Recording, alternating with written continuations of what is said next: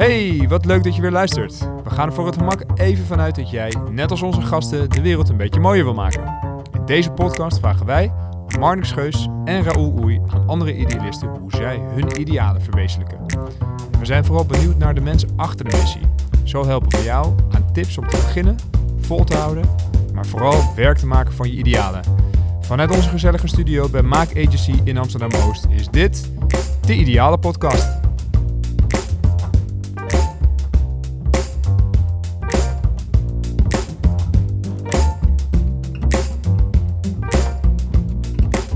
Ja hoor, tegenover ons zit niemand minder dan Xander Slager, vandaag medeoprichter van kledingmerk Nieuw Optimist.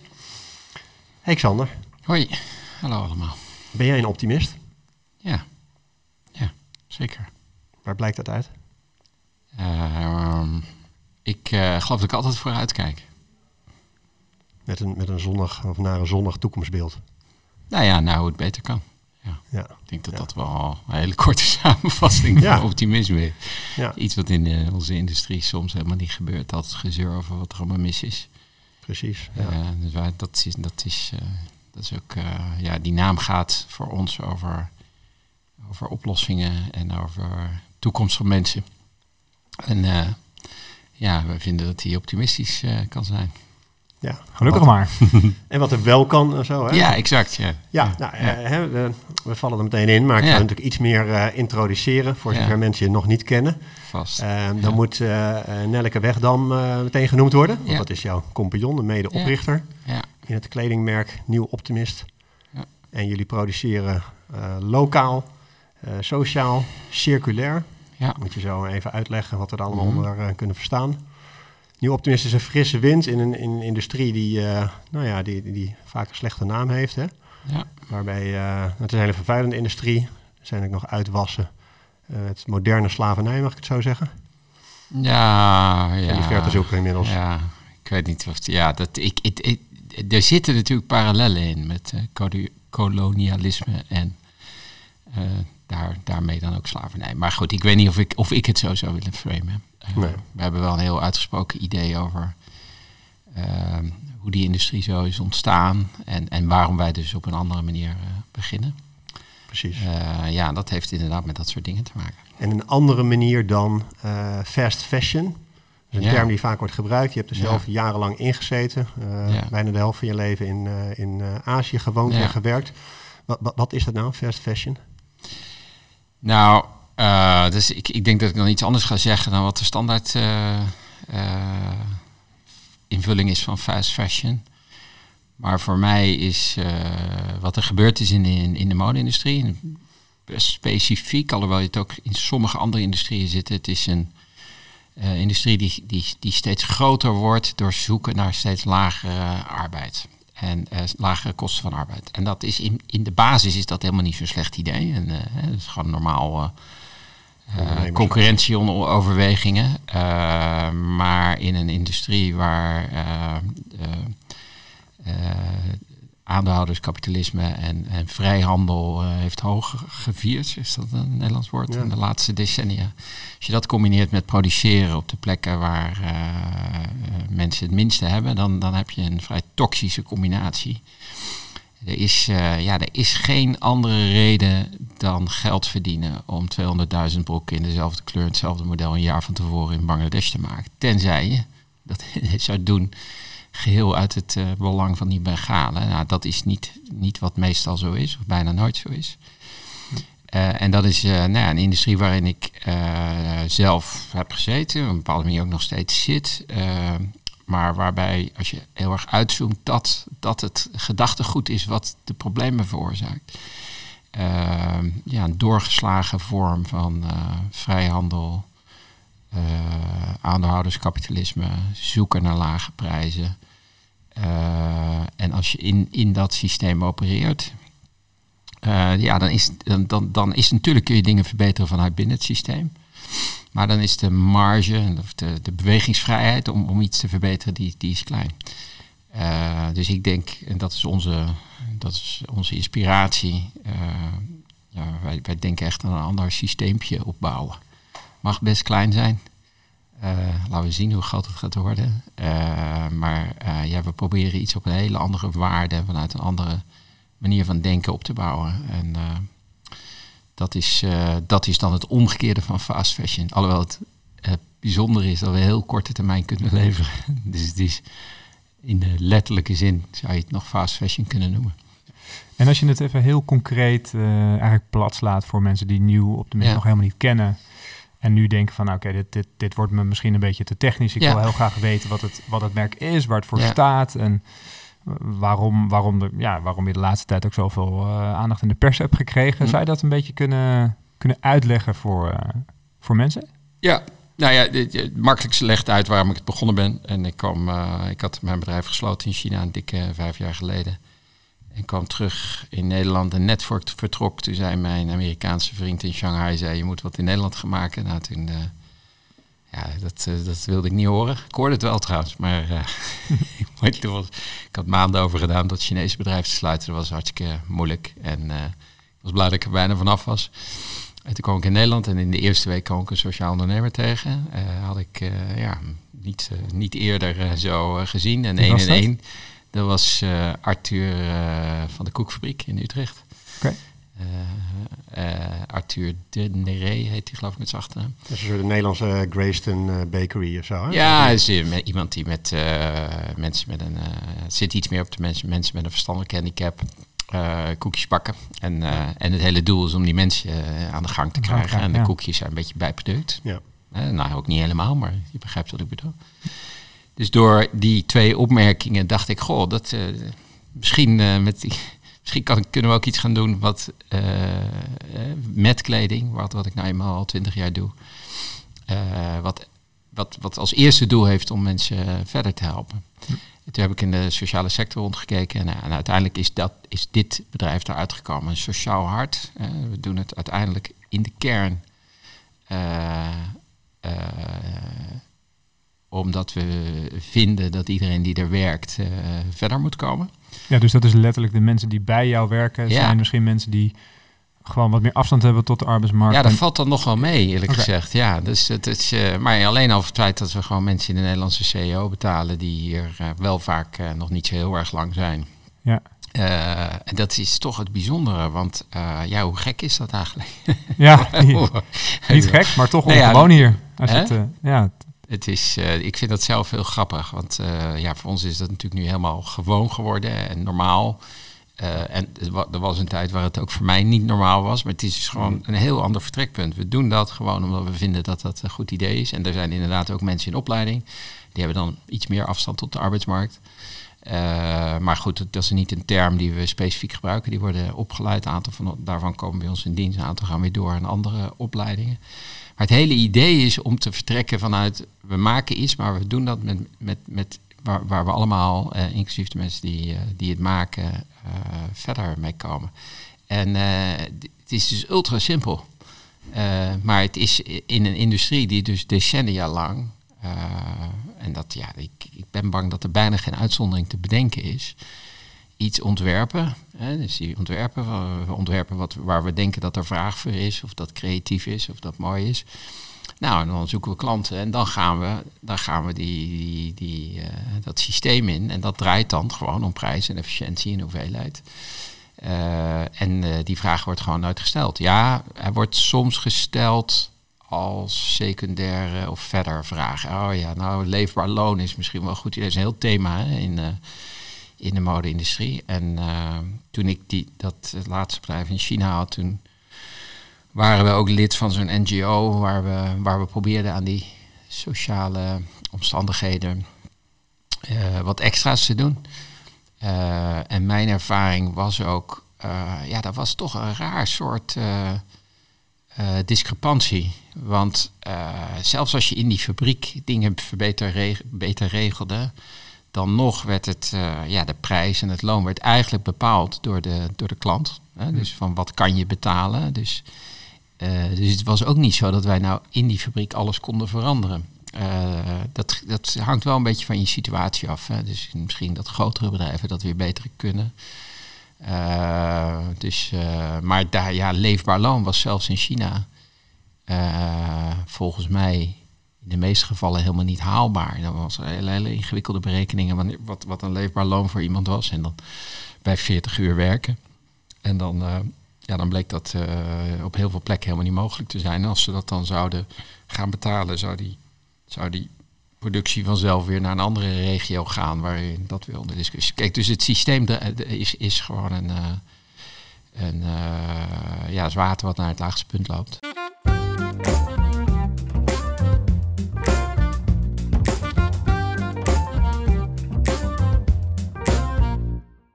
Als we dan eh, kijken naar, eh, naar nu, het Ja. heden en uh, nieuw, op, nieuw optimist, wat, eh, ja, wat de laatste tijd gewoon echt wel veel aandacht heeft gekregen. Ook omdat je, vind ik als marketeer, echt wel in staat bent om te vernieuwen en met, met innovatieve acties eh, eh, komt. En ja, dat valt gewoon heel erg op. Dus, dus nou, daar, daar wil ik wel even waardering voor uitspreken. Maar- en, en één daarvan is eh, dat je statiegeld hebt ingevoerd op de kleding die je, Ja. die je verkoopt. Dat, Ja. Nou, dat kan je denk ik wel innovatief noemen, want dat gebeurt nog niet in Nederland.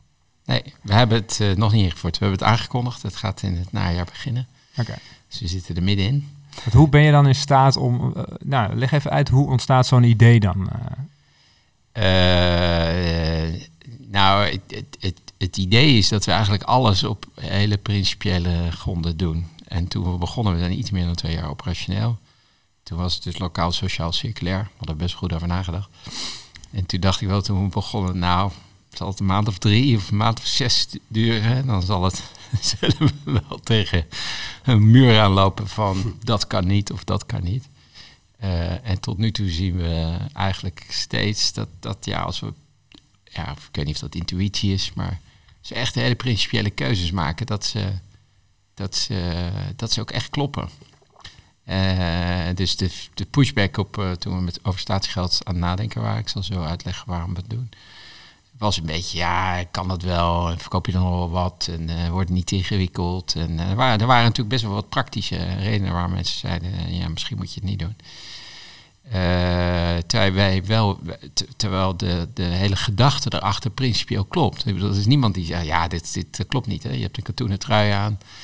Eh, wij ontwerpen die voor circulariteit. Dus als iemand anders die uiteindelijk aan het eind van het proces bij de, bij- in de kledingbak gooit met alle, alle, alle rommel die er verder wordt geproduceerd, dan, ja, dan hebben we het voor circulariteit ontworpen. Maar het gaat dezelfde grote eh, recycle loop in, als het goed is, als, als het mee zit.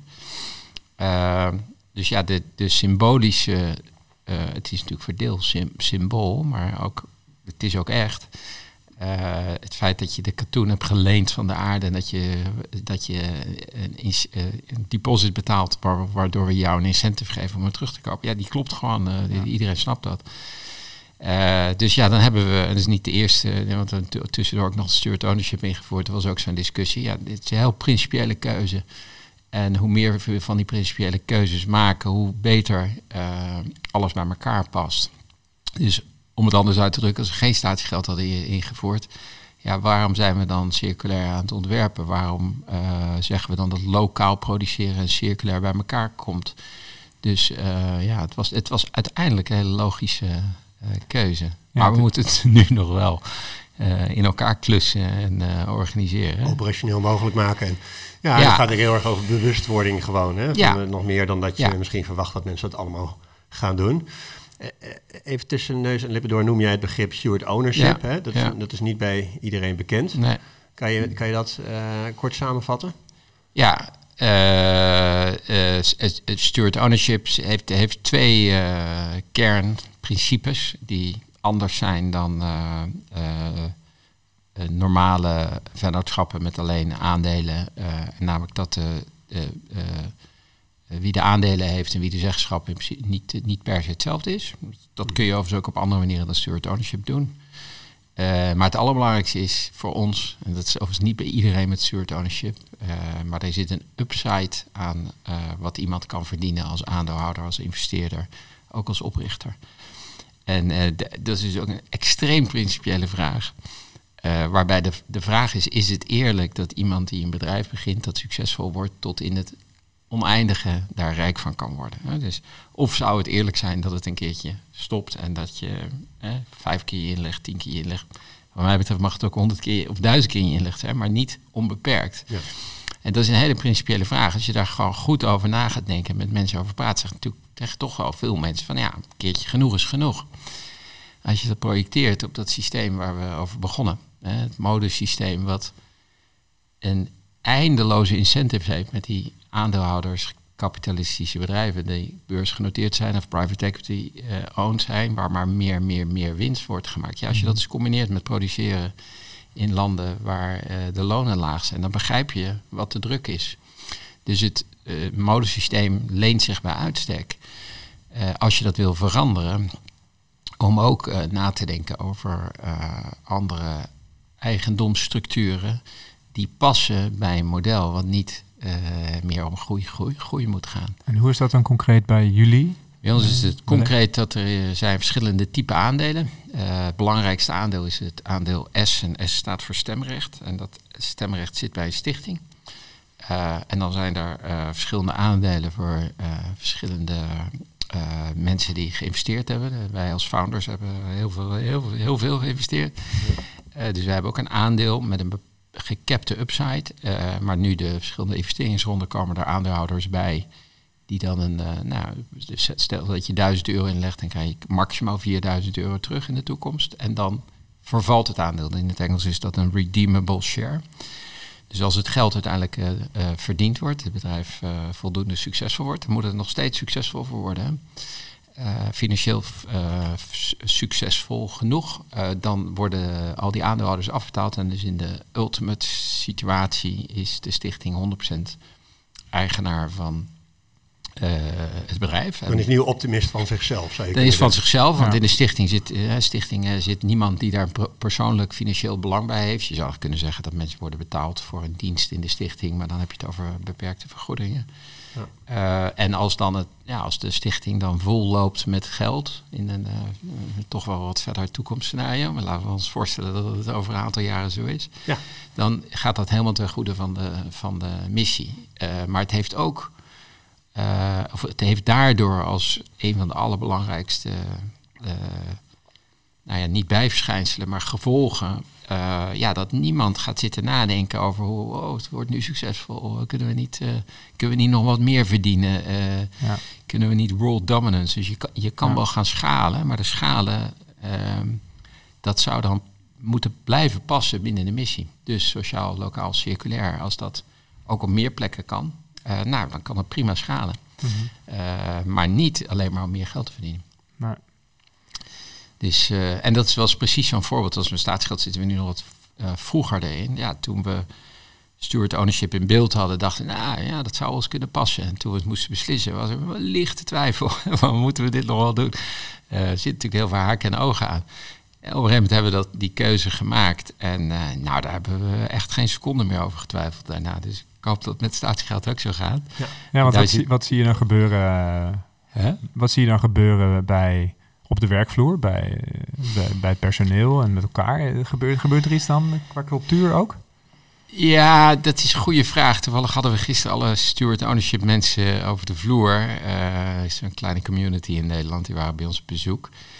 Uh, ik denk dat het in zo'n startfase, uh, omdat het toch best een lange termijn ding is, is het misschien wat minder, heeft het wat minder invloed op de huidige cultuur. Want als we twee jaar bezig zijn en we zeggen dat we sociaal lokaal circulair zijn en één iemand heeft aandelen, dan zijn we toch nog heel erg met die missie bezig. Maar het is natuurlijk wel een, een eh, in, de, in, de, in de wortels, in de haarvaten van het bedrijf is het nu voor altijd verankerd. Uh, en ik denk dat dat belangrijk, nog, nog voelbaarder gaat worden als we straks nou, soort gewoner bedrijf zijn in de mm gewonere fase.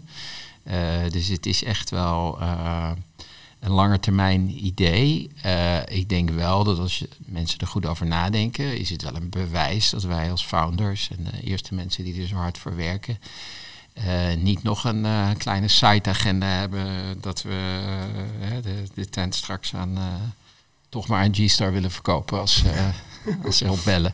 Dat, dat, ik bedoel, dat kan namelijk niet. Ja, het, het, in theorie kan het, alleen ja, G-Star koopt niks, want ze kopen dan Eh, een bedrijf waar al het stemrecht in de stichting zit. ja, In de precies. stichting zit. Ja. Eh, eh, en, en, en, en wij krijgen ook niks meer dan ons maximum. Wat trouwens nu nog steeds wel een goede deal zou zijn. We moeten er maar zien of we ons maximum eruit halen.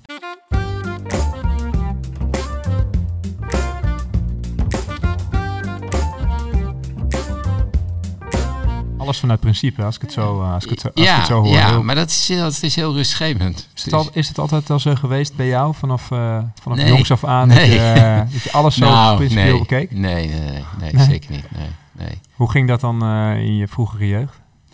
Hoe was jij? Hoe ik in mijn jeugd was? Oeh, dat, goh, Zo- gewoon denk ik. Ik ben wel altijd heel onrustig geweest. Ja? ja, ja. Op wat voor manier?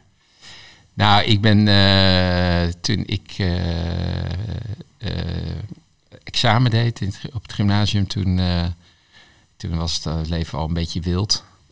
ik had, stond er heel slecht voor, halverwege. Ik geloof 2-1 en 3-4 en 2 7's of zo. Dus het zag er niet naar uit dat ik ging slagen. Toen heb ik heel hard gewerkt, toen slaagde ik toch. Ik had met een, een vriend afgesproken dat we naar India zouden gaan als we zouden slagen. En hij slaagde niet en ik wel. En toen ben ik een beetje vertrokken naar Pakistan. Mhm. Ja, toen was ik eh, net eh 18 en twee maanden. En dat was wel, als ik daarop terugkijk, was daar wel een eh, soort onrust eh, die, die, die ik nog steeds wel ken. Eh, Ja, oudste is van die leeftijd, hè? Die is, die is nu ja, die is 18, inmiddels of, eh, 20. oh, 20. Dus die is alweer wat ouder. Ja, en die is nu net zelf voor het eerst op eh, sinds een week of twee, anderhalf. Ja, ja. En ik kijk daar natuurlijk nu met die ogen naar. Ik dacht, jeetje, oeh. Nou, eh, alleen naar Karachi, zonder, eh, dat was nog zonder mobiele telefoons Mhm. en zonder internet. Ja.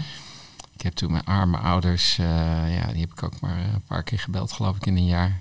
Collect die waren, nou ja, die waren op een gegeven moment zelfs naar me op zoek. Dus ja, dat Oh, was, ja. wel, eh, was wel een beetje, het was... Dus Zo was jij. Dat is wel een gymnasiast, maar niet zo'n hele brave.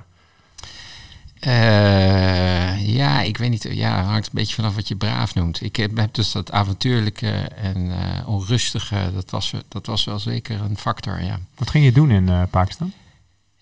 Nou, ik, ik, ik, ik herinner me, ja, het is echt een heel bizar verhaal eigenlijk. Ik Ja, herinner me dat ik gewoon, ja, ik keek op de, het was toen Irak-Iran, was oorlog, eind jaren tachtig. En eh, Pakistan niet, dus eh, een enkeltje gekocht en gegaan. En dat ging ook meteen helemaal mis. Echt helemaal, ja, dus dit, dit klinkt als een sterk verhaal, maar mensen die mij kennen, die weten wel dat het gebeurd is. Dus ik kwam, ik, ik vloog met Tarom, eh, de Roemenian Ja. Airlines. Het was vijf, zes weken voor de omwenteling in 89. Eh, en, dat en ik miste het vliegtuig in Boekarest. Eh, ik zat zes dagen in Boekarest. Lang verhaal. Kwam in tweede vlucht waren twee Nederlanders in en ik. En ik dacht natuurlijk in die vlucht, wat, ik weet eigenlijk helemaal niks over Pakistan. Ja, het, is echt, het is echt wel een beetje gek hoor. Dus toen eh, ben ik bij die eh, twee, eh, dat stelletje, een beetje, een beetje plak aangedaan. Ja. Met hun naar een of ander hostel in Karachi. Een paar dagen mee eh, ge- gehangen.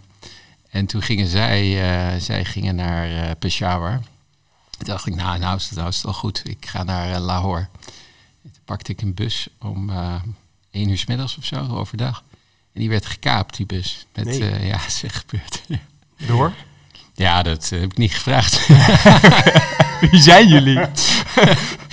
Nee, ja, er waren, ja, ik mocht voorin zitten in die bus. Ik was dus voor het eerst, ik een paar uur in- voor het eerst in mijn eentje. In Pakistan sprak niemand Engels. Eén Iranier zat aan de bus, die sprak nou, een paar woorden Engels. En die mensen allemaal heel lief en leuk. En ik mocht voorin zitten op de eerste stoel. Omdat ik natuurlijk, eh, ja, die bussen zijn niet eh, voor mensen met lange benen gemaakt. Ja, en op een gegeven moment werd er geschoten. En die gasten begonnen te schieten. Bleek achteraf dat ze door het dak schoten. Jeetje. En ze zaten achterin. En ik hoor die... Ja, ik, dat, is, dat kan je niet...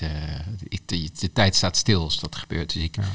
Ik hoorde schieten. Ik, iedereen begon te gillen. En die gast naast me die de, bus reed... Dus ik zat links. Hè, eh, dus Pakistan stuur rechts. Mhm. Die, eh, die viel bloedend. eh, die, die, er kwam al, was allemaal bloed. En die viel van zijn stoel af. Of, en, er zat iemand anders achter het stuur. Dat was dus een van die overvallers. En ik kreeg als eerste de, de gun op mijn hoofd. Ja, dat was het begin van Pakistan. Jeetje, Ja, wat is- verhaal. Wat een verhaal, gast. ja, ja, dat was een gek verhaal. Ja, ja dat heb ik nog nooit, nog nooit verteld. Ja, behalve aan eh, vrienden. Ja. We hebben een primeur.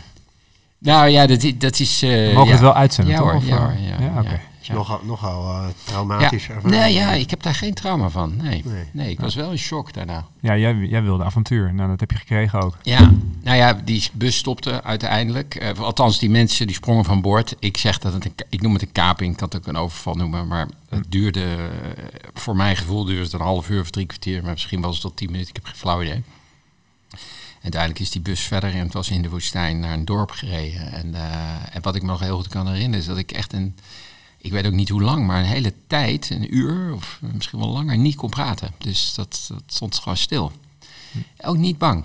Je gaat gewoon uit. Het gaat gewoon. eh, Overlevingsmodus was je misschien. ja, ja. En daarna ben ik toen, dat was midden in de, in de, de Taar-woestijn, Sindh, de provincie Sindh van Pakistan. Ben ik uiteindelijk gelift naar de ambassade. Dat was het begin van het jaar. Ja, Wauw, ja, wauw. ja. Wat een verhaal, hè? Ja, En ja, en Pakistan is een prachtig land. Echt, ik wil heel graag een keer terug. Nooit terug geweest. Ja, later dus nog twee maanden in Pakistan gebleven.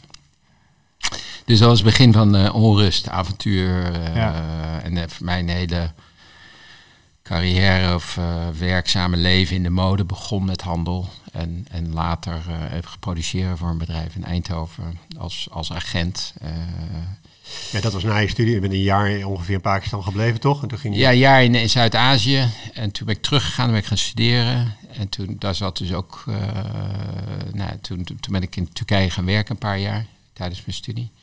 De onrust uitte zich ook op in, in het nachtleven. Dus ik zoop als een ketter. En deed ook nog andere dingen. Eh, ja, dus het was wel, eh, ja, het was wel eh, gas erop. ja, ja. living, the, living the fast life. Ja, dat dacht ik, ja. ja. Ik weet niet of dat... ja, er zit altijd wel open actie in, ja. Ja, ja. altijd veel gedaan. ja, daar ben je ook best wel open over geweest, hè? Over, Ja, ja, dus het is, uiteindelijk waren daar wel natuurlijk al kenmerken van verslaving zichtbaar als je terugkijkt. Ja. Alleen zag ik dat toen niet hoor. En misschien andere mensen ook niet. Maar het was wel, eh, het was wel eh, vol op het gaspedaal. ja, woest en wild. En eh, hoe gaat het nu met je? Goed, ja. Ja? Nog steeds woest en wild. Alleen zonder alcohol en drugs. ja. Ja, en nog steeds in Amsterdam. Waar natuurlijk ook wel wat verleidingen om de hoek staan. Of ben je daar nu wat makkelijker? eh, kan je die... Ja, nee, maar dat is een zwart-wit kwestie. Hè? Dus ik zie, eh, er zijn, eh, nee, ik heb 0,0 last van. eh, ik ben bijna negen jaar nuchter. Over twee weken volgens mij. Ja, waanzinnig. Ja, dat is, Dat is ook leven gewoon een 2.0. datum. Je hebt gewoon een datum. 13 mei, ja. Ja. Ja, Ja, leven 2014. 2.0? ja, ja, ja, ja. Dat is een andere, dat is een andere realiteit. Ja, zeker. Ja, Maar is, dit voor, is dit voor jou een soort, is het ook een soort wake-up call eh, gebleken? Is dat, ligt het ook de grondslag aan wat je nu doet? Of zitten, zitten er hele andere dingen achter? Nee, die 100 procent. Ja. Het is een, eh, kijk, eh, nuchter worden is een, eh, is een, eh, een mini-awakening. Dus eh, verslaving is een, eh, hè, dit, het einde van verslaving. Hè. Het begin eh, heeft andere kenmerken.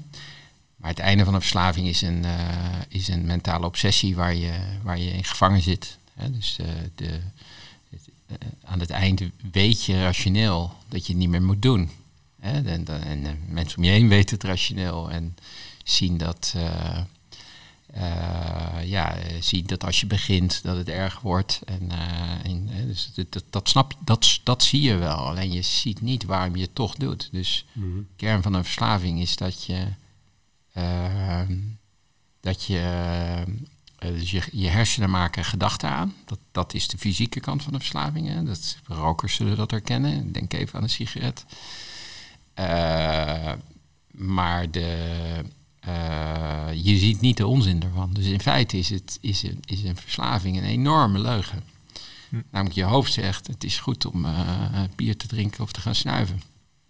Terwijl je, terwijl je rationele brein weet dat het geen goed idee is. Je bent daar, je bent daar eh, niet meer toe in staat en de problemen worden groter.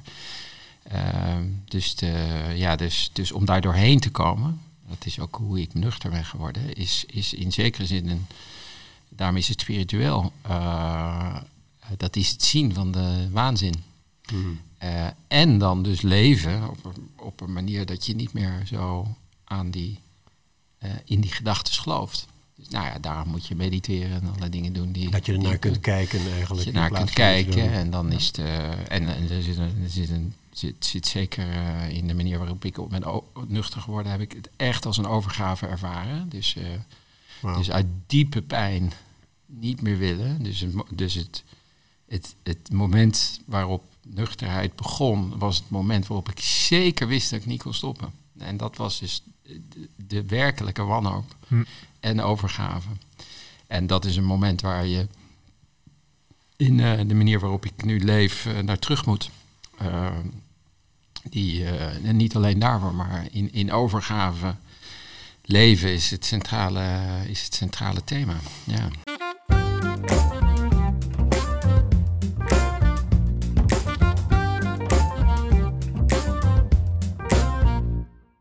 Ik vind het heel mooi wat je zegt. Hè? Ik, ik heb het in het boek ook met eh, de coaches in het ideale boek een aantal stappen omschreven. Hè? Dat is een spiraalvorm. Ja. En het begint met wakker worden, als in Ja. meer bewustzijn Ja. krijgen. En dat, dat, kan natuurlijk via een hele heftig levensverhaal. Dat kan heel geleidelijk gaan. En die, en die laatste stap gaat over loslaten juist, over die overgave. Maar die hebben natuurlijk eigenlijk heel veel met elkaar zeker. te maken. Dat hoor ik ook in jouw verhaal. Nou ja, overgave is natuurlijk een, eh, een, eh, een, een spirituele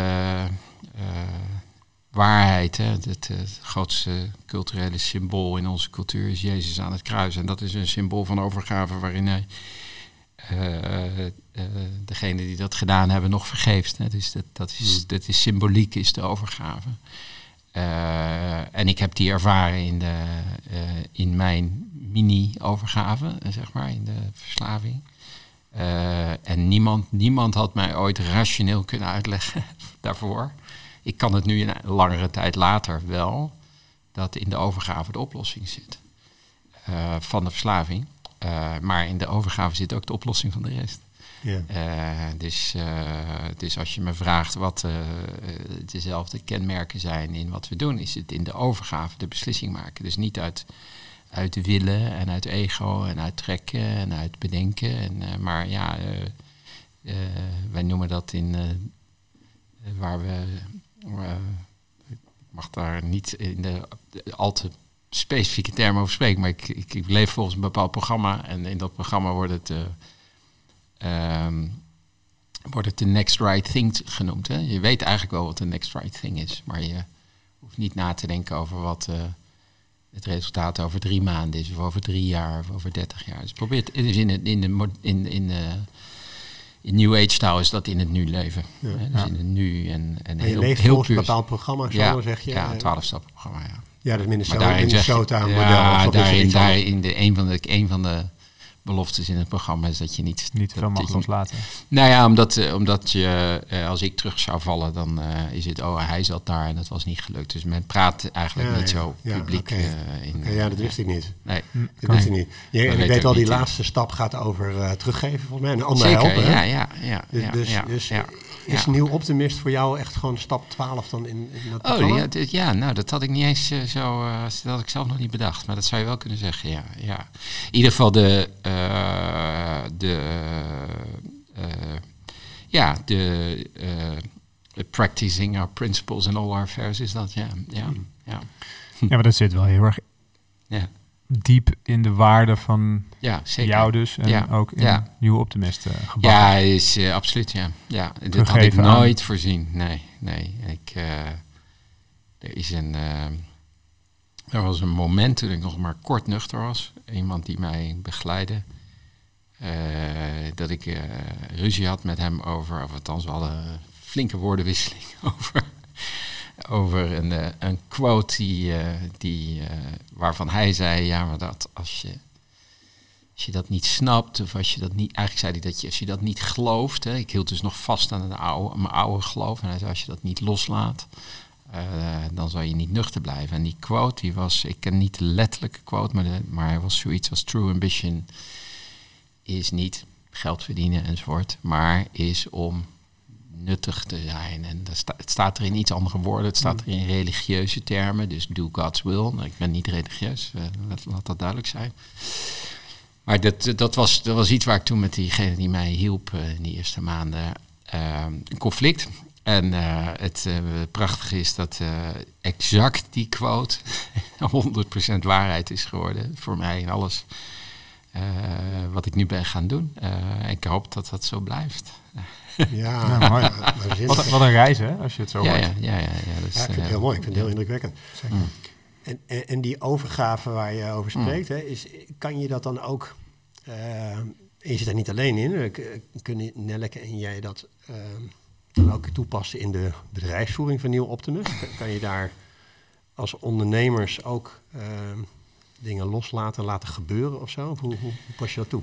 Nou, ehm, kijk, ik denk dat, dat uh, de overgave zit in. Ehm, in uh, en dat, moet, dat moet, moet ik echt voor mezelf praten. Hè. Dus in, in, in het teruggaan naar het diepe besef dat,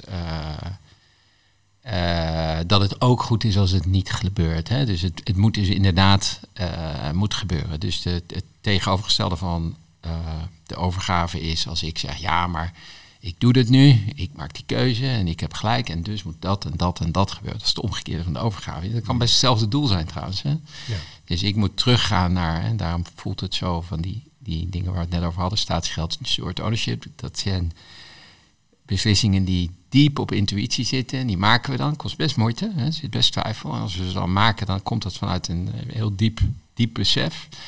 En dat, uh, ja, dan, dan moeten we het loslaten. En, dan moeten we, en dat loslaten, daar moeten we soms, moet ik soms ook mijn best voor doen. Om, uh, als het, het allemaal hectisch is en tegenzit, of met name tegenzit als dingen niet gebeuren zoals ik denk dat ze moeten gebeuren, dan moet ik terug naar, ja, het gebeurt of het gebeurt niet. en ik ja, ik, ik, ik, ik, ik practice dat wel bijna iedere dag, s ochtends, om soms niet zo letterlijk, maar in meditatie kan ik wel, kan ik wel terug naar, naar, de, naar de, de, de waarheid, want het is niet eens een idee, de waarheid dat het, dat het door mij, via mij, kan gebeuren of niet. Maar dat, het, ja, dat, ik, dat ik niet een beetje die wereld ga veranderen. Ja. Dus ik zie mezelf daar als een, hopelijk als een instrument voor iets wat, wat aan het gebeuren is. Ja.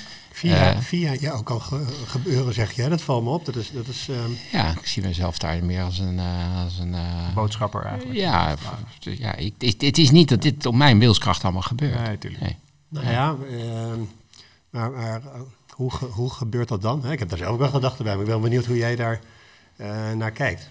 Nou ja, ik denk dat als, uh, als het in de lucht hangt en in, het, in, de, in de samenleving speelt en nog verder in het universum uh, zover is, dan zal het gebeuren.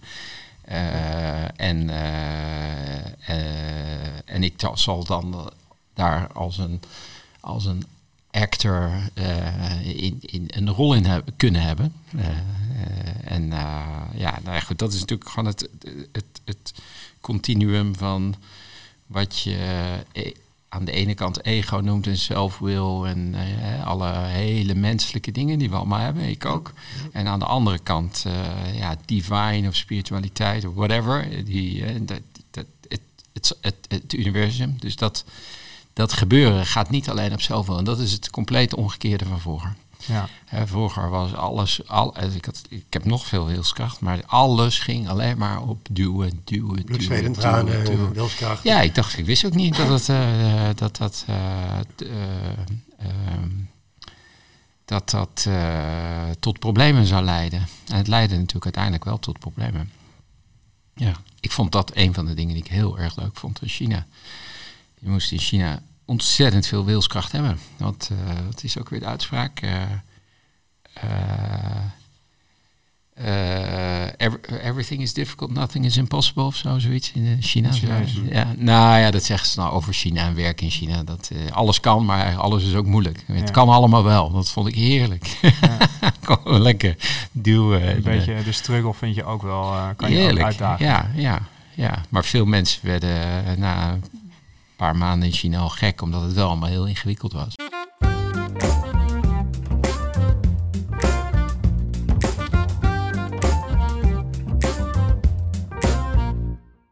Waar zijn jullie met name nu echt mee bezig? Welke fase uh, zit je? Ja, we zitten in een, uh, soort opschaling. Uh, we merken dat we buiten de bubbel, onze eigen bubbel komen. Hoe ver dat nou precies gaat, weet ik soms ook niet. dat is in onze branche gelukkig. In het begin was het misschien binnen de idealisten, binnen de duurzame mode. Nu komt het steeds verder in de normale wereld, waar, waar we merken dat, het, dat mensen het al kennen. dus als ik nu een nieuwe klant bel, heeft hij het vaak op een paar plekken al een keer gezien of gehoord. Nou, dat is een enorm verschil met vorig jaar. Bijkorf. Hè? Ja, Bijkorf was er vanochtend weer. En uh, ja, dat heeft ook heel erg geholpen dat we de Bijkorf in contact zijn gekomen. is ook heel fijn dat ze, zij een van de mensen waren die dat in het begin al een kans wilden geven. Ja. Dus we krijgen een podium en, uh, uh, en tot mijn eigen verbazing dat vind ik echt heel leuk. We zijn dit uit idealen begonnen en, gedacht, en dachten dat idealen ook klein moesten zijn. En uh, dat, dat is helemaal niet meer zo. Uh, het hoeft niet per se groot te zijn om geld te verdienen. maar er zit een. er zit nu. ja, we zien voor ons steeds maar weer. Het kan nog groter, het kan nog groter. Er is zoveel ruimte. Het is natuurlijk een, een enorme grote industrie. Ehm, dus we gaan wel zien hoe ver we komen. Mooi. Ja, want het is leuk om te doen. Ja, dat kan ik me heel goed voorstellen. Want het Nieuw Optimist schept ook echt een, een, een, zee aan verhalen, zoals jij het ook al vertelt. En waar, waar, ja, waar het vandaan komt. En dat is denk ik vaak een heel mooi middel om een merk te bouwen. Uh, en tegelijkertijd ook de, de, de idealen ja. waarmee jullie uh, ja, ontstaan zijn. Wat is denk je de reden dat uh, nu een wat breder publiek ook... Um, ja, nu Optimist aan het zien is? Nou ja, kijk, daarom heb ik ook veel vertrouwen. Hè. Er, is, er is heel veel ruis aan de oppervlakte, maar er is van, van binnen een diep vertrouwen. Omdat, waar we het net uitgebreid over hebben gehad, de keuzes gewoon heel fundamenteel zijn gemaakt. Dus er zit een heel... Uh, en dat kost tijd voordat mensen dat zien of in de gaten hebben. Hè. Het is natuurlijk een vluchtige wereld en niet iedereen heeft overal anderhalf uur voor om, om erover na te denken. Uh, maar het is een ontzettend authentiek verhaal. Uh, of ja, ik kan het niet eens een verhaal noemen. Het is, uh, het is, heel, het is heel puur. En in een industrie waar weinig puur is. waar het vaak gaat om een steltje verkopen, heel vluchtig. En dat is bij ons ook belangrijk, dat het er goed uitziet. Maar daar zit nog, er zit nog veel meer in.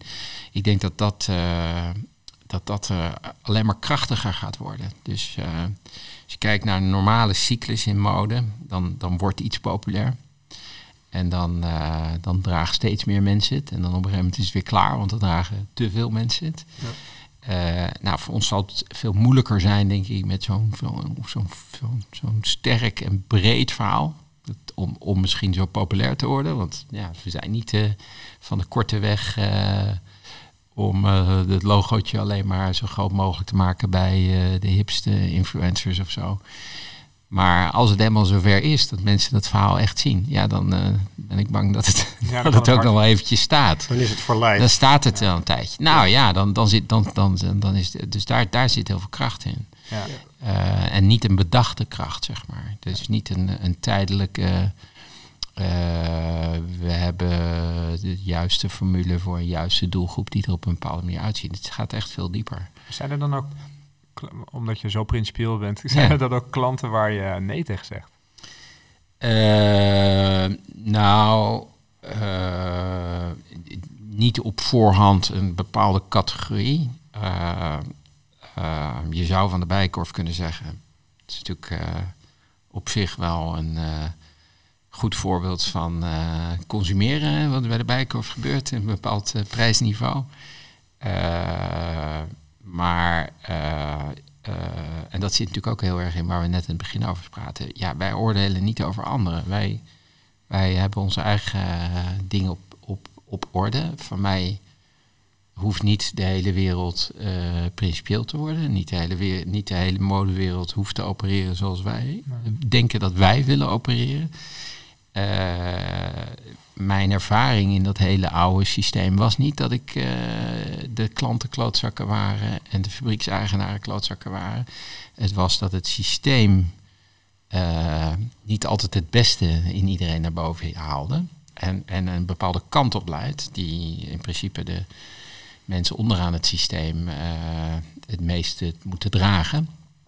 Eh, dus, eh, dus ja, eh, als wij onze eigen principes kunnen vasthouden, dan willen we best samenwerken met mensen die dat minder hebben. Uh, maar goed, er zullen ongetwijfeld grenzen zijn. Nou ja, je hebt elkaar, je hebt elkaar nodig. Hè? Een bijkorf heb je nodig om op te schalen, meer bekendheid te krijgen. Ja, maar zeker. Maar ik bedoel, de bijkorf hoeft ook niet voor mij alles duurzaam te doen of, of sociaal te doen. Uh, wij, wij hebben onze handen duidelijk vol aan, uh, aan eh, dat is het the next right thing doen. En, ja, ja, en daarmee, daar zit ook een beetje in. Wij doen de, ik doe voor mezelf de next right thing en voor ons. Je creëert een nieuwe wereld, hoe je hem wil zien. Een gewenste wereld eigenlijk. Ja, maar er zit ook in dat ik niet oordeel over anderen. Hè? Ja. In de naam Nieuw Optimist zit ook bewust dat optimisme over wat wij denken dat kan. En uh, nou, als ja. het voor anderen nog niet kan of, of anders is, dan, wil, dan is, zal ik niet zeggen dat dat slecht is. Nee. Uh, het zit meer in het, geheel, oh, sorry, in het geheel dat ik denk uh, dat het... Uh, wij zien het systeem ja. als, als een. Uh, dat haalt de slechtere dingen naar boven en dat duwt men de slechtere kant op. ja, maar dan ga ik toch een, een ja. kritische vraag stellen. Ja. Want Graag. Ja, het systeem wordt natuurlijk toch ook ontwikkeld door een aantal grote merken, grote partijen die daar denk ik baat bij hebben. Goed, ik ben geen, ja. geen expert, maar zijn er dan brand partnerships van met dat soort grote merken die dat niet echt op de juiste manier doen en waar je heel veel van kan vinden, waarvan je dan wel nee zou zeggen. Ja, daar zou ik wel nee op zeggen. Ja, ja. ja, ja dat klopt. Die je dus wel aan de ene kant heel veel bereik zouden geven. Hè, ja, nee, zeker. Brand X, New Optimist. Nee, maar ja, nee, nee. Voorbeeld? Wat is een voorbeeld? Ja, nou ja, goed. Een, een, een beursgenoteerd fast fashion bedrijf zou niet een uh, goede combi zijn. Nee, nee. precies. Oké. Okay. Hey, ik zal van, maar goed, uh, H&M is ook, of sorry, uh, uh, Bijkorf is ook private equity owned. Hmm. dus, dus ja, waar, waar exact de grens ligt, weet ik ook niet. Nee, nee precies. Nee. Het is ook gut feeling, denk ik. Wat ja. Je, ja. Hey, van, van, wie krijgen jullie hulp? Of wie kregen jullie vooral hulp? Of van wie krijg je op dit moment hulp om de volgende stap te zetten? bedoel je financieel? Of, ja, uh, in, in, de, in de breedte. Wie, kijk, je, je, uh, je hebt Nelleke natuurlijk aan je zijde en uh, ja. zij heeft jou aan, je, aan haar zijde. Ja. maar er zijn vast meer mensen om jullie heen die belangrijk zijn, waren of zijn in de, in de verdere ontwikkeling van, van Nieuw Optimist. Ja, we hebben helemaal aan het begin een crowdfunding gedaan en ook een tweede crowdfunding. En de eerste crowdfunding waren mensen om ons heen voornamelijk. Wel wat mensen die we niet kenden, maar voornamelijk mensen uit onze eigen omgeving, die, uh, die uh, ja, puur op het idee zeiden van dat vinden we tof als jullie dat gaan doen. Uh, en dat is een community die, ze, die, die steeds meer, die, die steeds meer tractie krijgt. We hadden ja. onlangs de opening van de, NO, de No Kledingfabriek, dus de ruimte waar we de tweede crowdfunding voor hebben gedaan. En uh, ja, dan, dan zie je dat dat echt heel erg aan het groeien is. En er waren heel veel mensen die ik niet kende. Ja, mooi. Uh, ja. En uh, ja, dat, ja, super. Je hebt een appgroep, je doet dat ook handig. Hè? Je, je bouwt echt rust aan zo'n community van, van binnen naar buiten. Een appgroep waar je regelmatig in deelt. Ook als er wat te melden is, ook in het nieuws. Van, kunnen jullie me helpen dit te verspreiden en zo? Ja, we proberen dat wel steeds verder buiten de... de, de bubbel te duwen. Ja. ik denk wel dat er over zakelijk zijn er... dat is denk ik nog wel complexiteit specifiek aan de mode. Hè. Dus uh, uh, er zit een boodschap in, maar er zit ook een. Kleding is per definitie stijl en esthetiek. En uh, dat hoeft niet per se helemaal hetzelfde te zijn, hè, want er zijn een soort deelverzamelingen. Je zou kunnen zeggen dat de mensen die sociaal duurzaam lokaal inspireren, dat die misschien niet helemaal uh, allemaal, ja, ze dragen sowieso niet allemaal dezelfde kleding. Dus daarin is een soort deelverzameling van mensen die beide hebben. Maar die twee dingen die, die, duwen we wel steeds meer naar elkaar toe.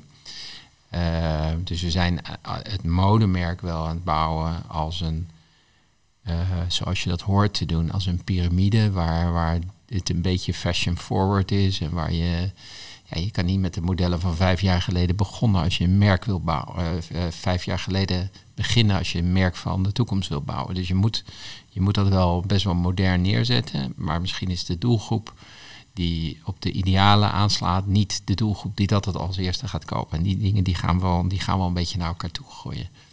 Dus de, ja, wat, wat, wat is, zou je die doelgroep kunnen omschrijven die op de ideale aan uh, slaan? Uh, Nou ja, de, de, de doelgroep die de ideale aanslaat is vermoedelijk ietsje ouder. Uh, ietsje ouder dan? Dan de doelgroep waar wij uh, puur op kledingniveau uh, op zitten. dus daar, daar zit misschien een discrepantie in, maar ik denk dat die dingen naar elkaar toe moeten groeien. Ja. Maar je zou zeggen dat idealisme zit ook wel heel erg in, in de volgende generaties en zo. En anders? Of gaat het dan meer over de, de, de groep die ook kan meefinancieren?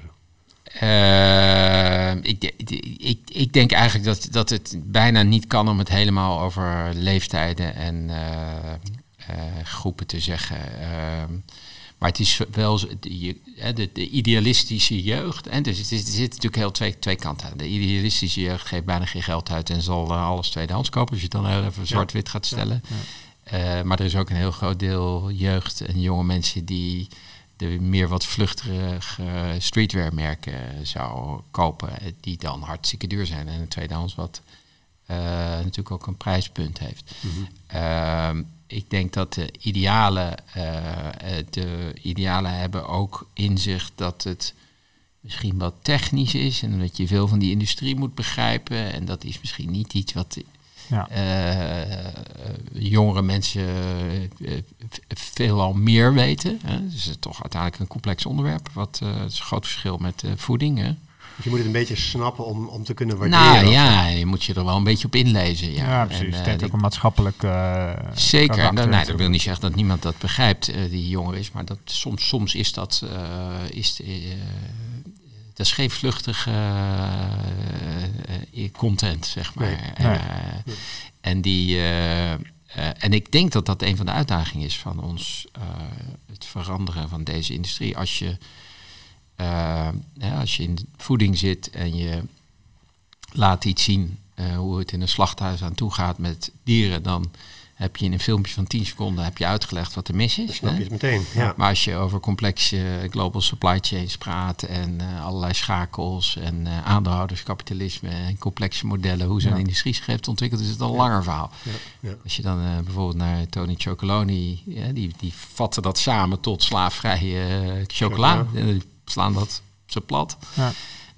ik denk dat dat voor ons nog wel moeilijker is. Ehm, als ik, eh, en eh, volgens mij was dat een van jouw vragen, ik denk dat uh, onze merkwaarde en, en waar we voor staan uiteindelijk gaat over lokaal en toegankelijk en binnen kunnen lopen en het kunnen zien en kunnen snappen. Voelen, ja. Ja, ja, ja, dat is dus precies alles wat die industrie niet doet. Ja. En in beeld brengen van de mensen die het maken en het feit dat je naar een workshop kan. En daaruit trek je dan de conclusie dat het allemaal goed is. Hè? Uh, maar goed, we, we, daar zijn we nog wel misschien wel een beetje zoeken naar hoe, hoe, wat, wat werkt het beste. Mooie uitdaging. Ja, ja. ja. toch? Hey, sociaal ondernemen eh, eh, is niet de easy road. Hè? Daar, daar kan je heel veel over vertellen. Er, er zijn geen shortcuts, dus nee. geen quick money. Nee. Um, je zei dat je gestart bent, uh, ja, toch eigenlijk ook vooral vanuit die sociale overweging. Denk even aan die ja. sociaal ondernemen van de koek, koekfabriek. Ja. ja. Um, maar het is, dus ook, het is ook heel duurzaam en hè, circulair wat je doet. Dus je wilt ook wel veel. Hè? Heel sociaal ondernemers die kiezen een van die paden, of sociaal of duurzaam. Die gaan proberen er eerst wat geld mee te verdienen en dan vervolgens kijken of ze nog meer goed kunnen doen. Klopt. Is, is, dit, is dit haalbaar voor jou? Ja, voor mij wel. Maar het is wel een kritiek die we wel af en toe horen, ja. Nou, kritiek, het is een bewondering ook, denk ik. Maar van, nou ja, maar de, nou, de kritiek is, kun je dat wel allemaal? Dat is, ja. dat is wel de vraag. En uh, uh,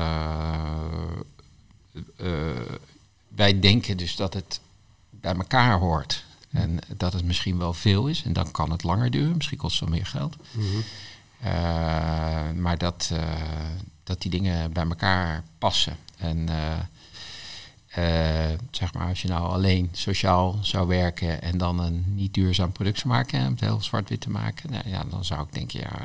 Uh, dat maar niet.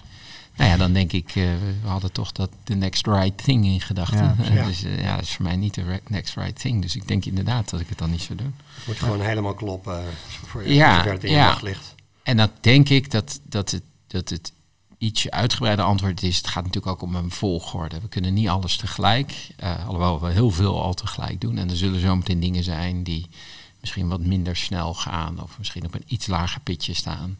Dat was bijvoorbeeld de discussie bij statiegeld. Moet je het dan niet over twee jaar introduceren? Uh, nou, we kijk, wij denken dat de producten voorlopig toch niet terugkomen. Dus, uh, dus, uh, dus Je durft het wel aan.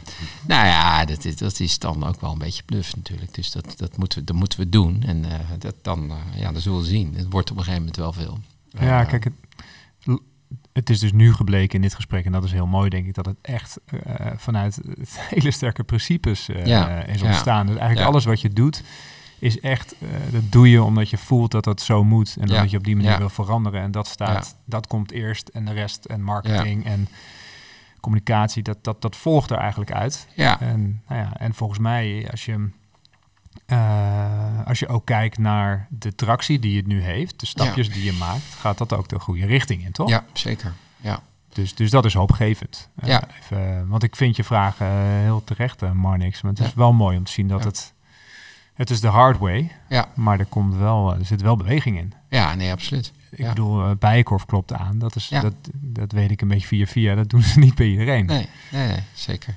Dus, uh, nee, dus daar is, nee, maar... is absoluut tractie. Uh, en zoiets als statiegeld.